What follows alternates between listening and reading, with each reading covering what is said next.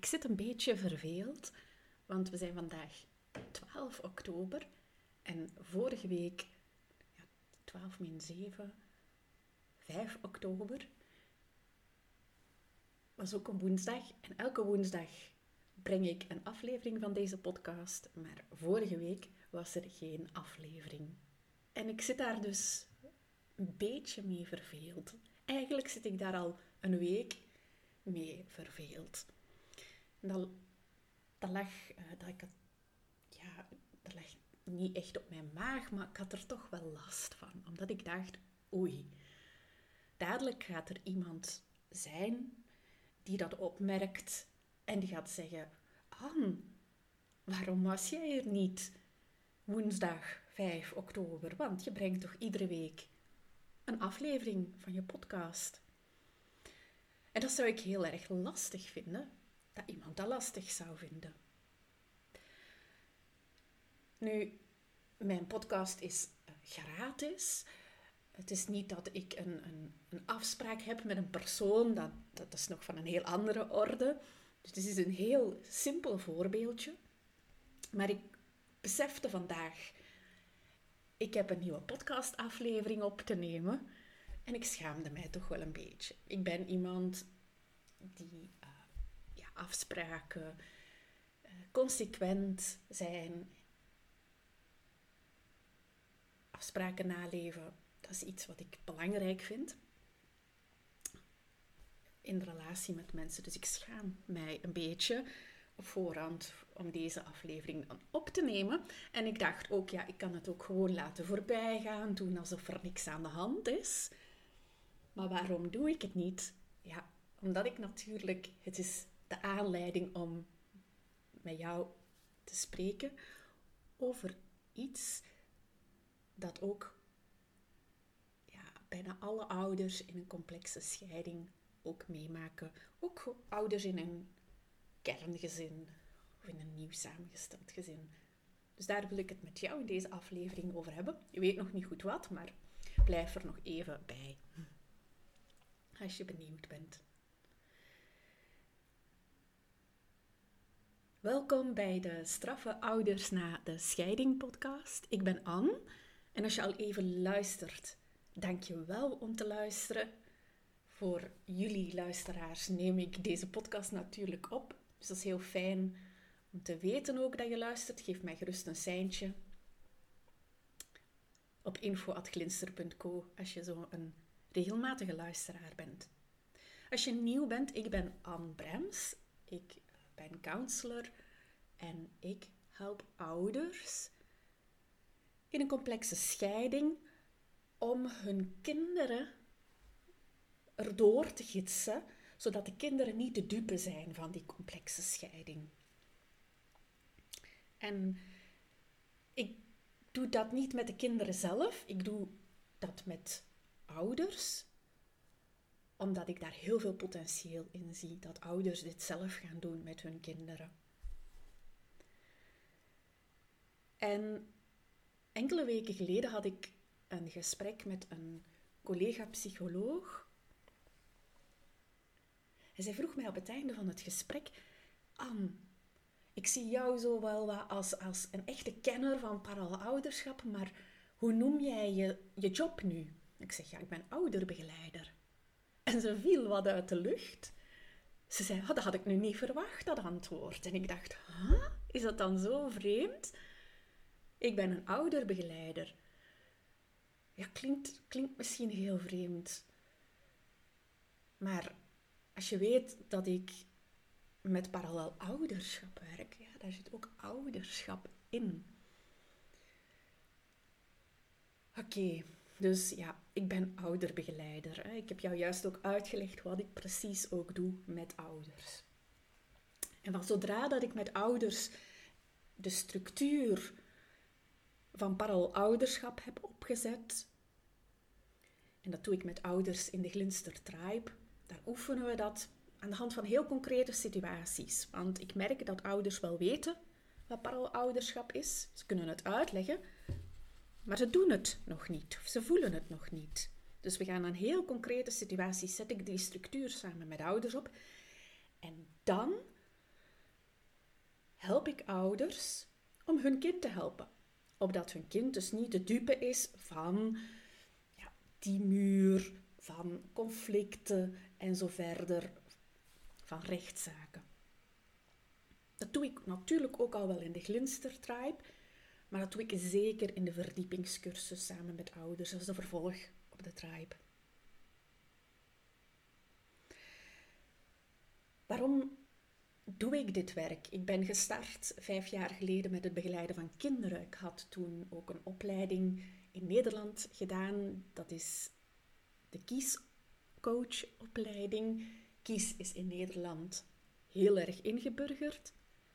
Daarmee zorgt de gemeente ehm, en de scholen voor groep, groepsprogramma voor kinderen in een scheiding. En ik wou die groepjes ook hier in, in, in, in mijn buurt opzetten. Ik heb ook enkele groepen hier bij Glinster begeleid, groepen kinderen. En ik ben de voorbije jaren meer en meer verschoven naar ouderbegeleiding. Ik doe hetzelfde werk met ouders, maar dan samen met de ouders. Dus dat klinkt heel raar. Als je dat raar vindt, dan moet je zeker ook de aflevering luisteren. Ik doe met één ouder systeemtherapie. Dus voor mij maakt het eigenlijk niet uit wie ik in de spreekkamer heb. Ik heb maar één persoon nodig waar ik potentieel in zie in die complexe scheiding. En dan denk ik, ja, oké, ehm, die persoon kan ehm, de verandering brengen die zij wenst of hij wenst.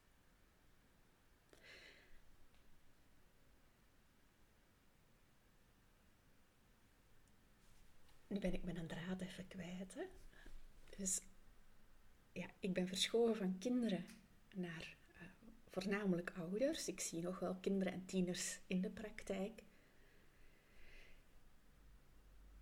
Maar ik doe dit werk niet uit liefde voor echtscheidingen. Ja, daar kan je nooit liefde voor hebben. Hè? Dat, is echt, dat, is, dat is iets vreselijks. Zeker die complexe scheidingen, dat is... Ja, dat is niet leuk. Dat is echt niet leuk. Maar ik doe het. En, en als ik het daarvoor zou doen, zou ik het misschien al sneller gezegd hebben van, wow, ik stop dit werk. Dat is meer werk. Uh, ja, de bemiddelaars die hebben, die hebben dat ook, denk ik. En advocaten, die voornamelijk met familierecht werken. Zo van, hoe, dat zijn wel veel verhalen, veel ellende. Maar ik doe het eigenlijk. Voor de liefde voor echtscheiding en complexe scheiding, maar wel de liefde, de passie, obsessie voor ouder-kindrelaties. Dus dat wil zeggen, de band die jij als ouder hebt met jouw kind, maar die jouw kind ook heeft met de andere ouder. Een kind heeft een relatie met beide ouders en jij hebt een relatie met elk van jouw kinderen. En die relatie, die, is, die heeft zo specifieke, unieke eigenschappen die het enerzijds heel mooi maken en, en waar je van kan genieten, en anderzijds die het ook heel lastig maken. En die beide dingen horen bij een ouder-kindrelatie. Die fijne momenten en die lastige momenten. Die fijne momenten dat je samen een ijsje aan het lekken bent uh, in de stad. Ja, op een horentje. en, en dat je denkt van, nu is het goed. Het zonnetje schijnt, je zit op een bank met je kinderen. Of je bent met jouw tieners s'avonds op de bank en samen een programma op televisie aan het kijken. En je denkt, ja, heerlijk. Dat zijn die fijne momenten. En dan zijn er ook lastige momenten. Dat ze bijvoorbeeld je kleine kinderen het bloed van onder je nagels uit kunnen halen. Dat ze zo zodanig jouw, jouw ehm, rode knopjes weten in te duwen dat je als ouder zo'n hoofd krijgt en je denkt, hoe moet ik hier nu nog mijn geduld bewaren? Een moment misschien dat je ze liefst achter het behang zou willen plakken. Dat is een Vlaamse uitdrukking. Ik wil je achter het behang plakken. Ik wil even rust. Ja. En ja, die twee horen bij een ouder-kindrelatie. En dan nog heel, ook heel specifiek voor een ouder-kindrelatie. De ouder heeft de verantwoordelijkheid om psychisch, emotioneel, fysiek en financieel voor het kind te zorgen. En het kind heeft rechten, maar heeft ook plicht om naar de ouder te luisteren ehm, en om dat gezag ook aan te nemen dat die ouder heeft over, over ja, het welbevinden van het kind. Dat zijn zo voor mij de twee dingen die het meest eruit springen, die een ouder-kindrelatie heel erg uitdagend maken, fascinerend. En ook waar enorm veel mogelijkheden in liggen. Niet alleen in de fijne momenten om die op te merken, om die te mogen voelen, om die te kunnen delen, maar ook in de lastige momenten. En we zijn nogal geneigd om die lastige momenten, om die ja, weg te duwen, niet bij stil te staan, om daar niet op terug te komen. En daarom dat ik begonnen was, deze dat ik deze aflevering begonnen was met mijn voorbeeld van ja, er is iets lastig gebeurd hier in mijn relatie met jou. Ik zeg elke woensdag een podcastaflevering. Ik ben er vorige week woensdag niet. O jee, lastig. Ik schaam me een beetje. Dit kan je als ouder ook hebben, maar als kind ook in de relatie. We zijn nogal geneigd om dan te denken: oh, ik ben geen goede ouder. Of oh, ik ben geen goed kind. Of oh. En dan schamen we ons ook. Maar dat is een beetje moeilijker dan het voorbeeldje dat ik heb gegeven van mijn podcastaflevering. Dat is maar, dat is maar een heel klein voorbeeldje, een dagelijks voorbeeld. Um, in het werk maar in de ouder-kindrelatie, ja, jouw hart ligt daar. En ja, het hart van jouw kind ligt bij jou. Dus als er daar dan iets lastig gebeurt, of iets waar dat een van beiden zich voor schaamt, dan zijn we nogal geneigd om dat, daaraan voorbij te gaan. Om dat te negeren. Of om in paniek te geraken. Of om gedachten te hebben, ik ben geen goede ouder. Ik doe het nooit goed. Wanneer ga ik het nu toch eens leren? En omdat we dat niet willen voelen, omdat je dat niet willen voelen als ouder, ja, dan, dan, dan duw je dat weg, die gedachten of dat gevoel. En dan ga je weer door. Terwijl je altijd, altijd opnieuw terug naar start kan gaan in jouw relatie. En dat wil niet zeggen dat je alles kan veroorloven in relatie met jouw kind. Hè? Nee, daar zijn grenzen. Maar als er zo kleine momenten van last gebeuren of grote momenten van last. En je hebt dat opgemerkt en je denkt een week later, oh, vorige week, dat was nu toch wel vervelend. Ik heb, ik heb dat gezegd en misschien vindt mijn kind dat lastig.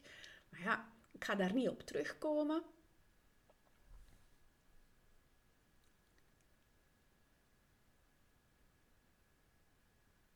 Het goede nieuws is, als je daarop terugkomt en als je dat bespreekbaar maakt met jouw kind, dat hoeft niet met heel, dat hoeft niet met heel veel woorden te zijn, dat dat je relatie sterker maakt.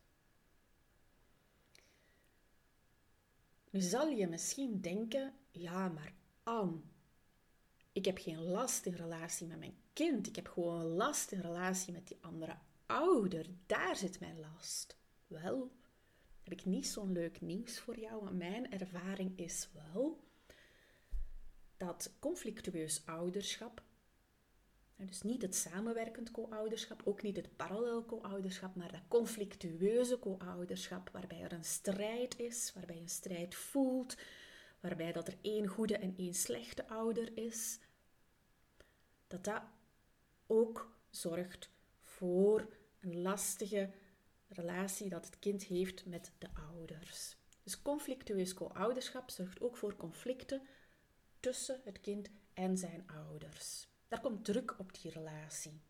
En je kan je daar zelf wel zeker een voorbeeld van bedenken. Als jij wordt zwart gemaakt door de andere ouder, voel jij dat tussen jou en jouw kind zitten.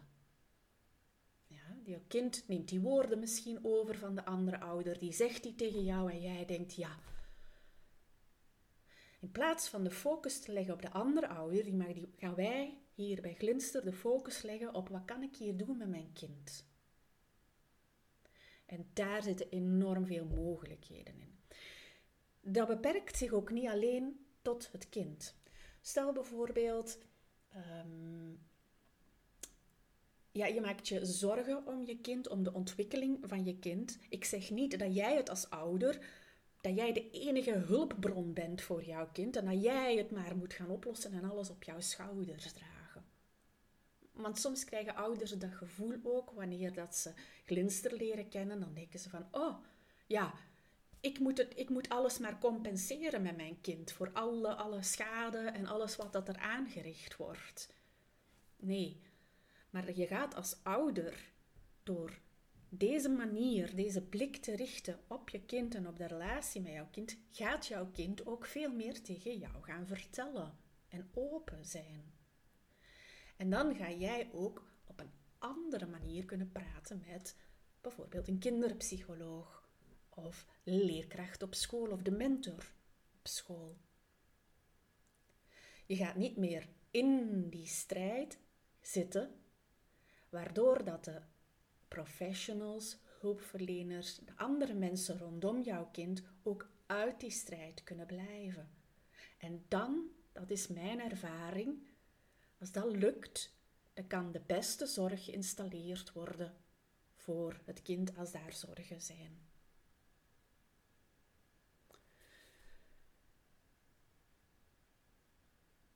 Dus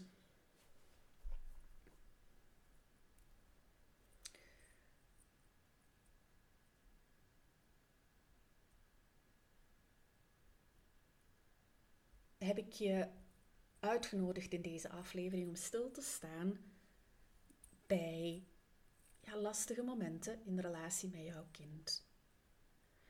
En last gebeurt niet altijd ja, dat jij de veroorzaker bent of dat jouw kind de veroorzaker is. Dat kunnen ook externe stoorzenders zijn die in jullie relatie tussenkomen en die zorgen voor last. Bijvoorbeeld de leerkracht op school zegt dat er iets uh, fout is en jouw kind komt daarmee thuis en ja, jij vindt dat jouw kind dat moet oplossen, maar jouw kind is kwaad op de leerkracht en je merkt, en dan wordt jouw kind ook kwaad op jou.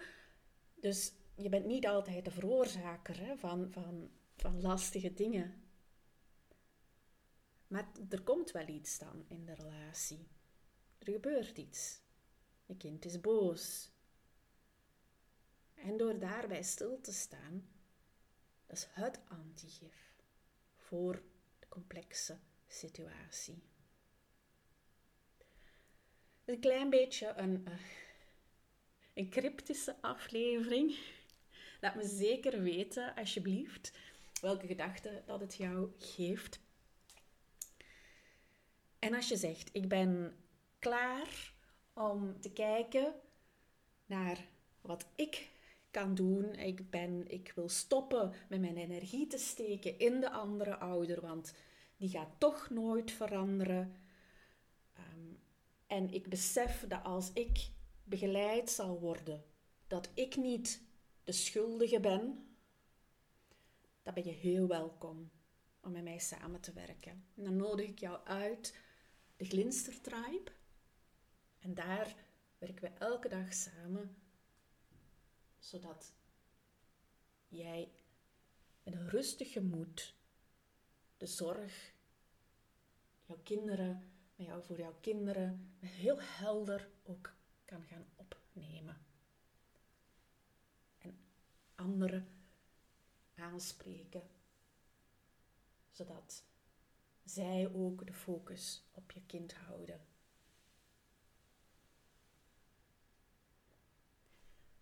Dat was het voor deze week. ik moet een beetje lachen, want ja, ik zeg tot volgende week, maar ja, dit was maar één keer. Uh, dus ik ga mijn belofte nu wel nakomen. De reden waarom ik er vorige week niet was, was... Het was ontzettend druk Ik had een mini-training. Ik had de deuren van mijn verdiepingscursus die open gingen en die starten. En ik doe alles alleen hier, achter de schermen ook. En ja, dan moest ik gewoon even een prioriteit stellen bij het allerbelangrijkste. Maar dat is achter de rug dus. Dan hoor ik je graag volgende week of in een volgende aflevering. Tot dan!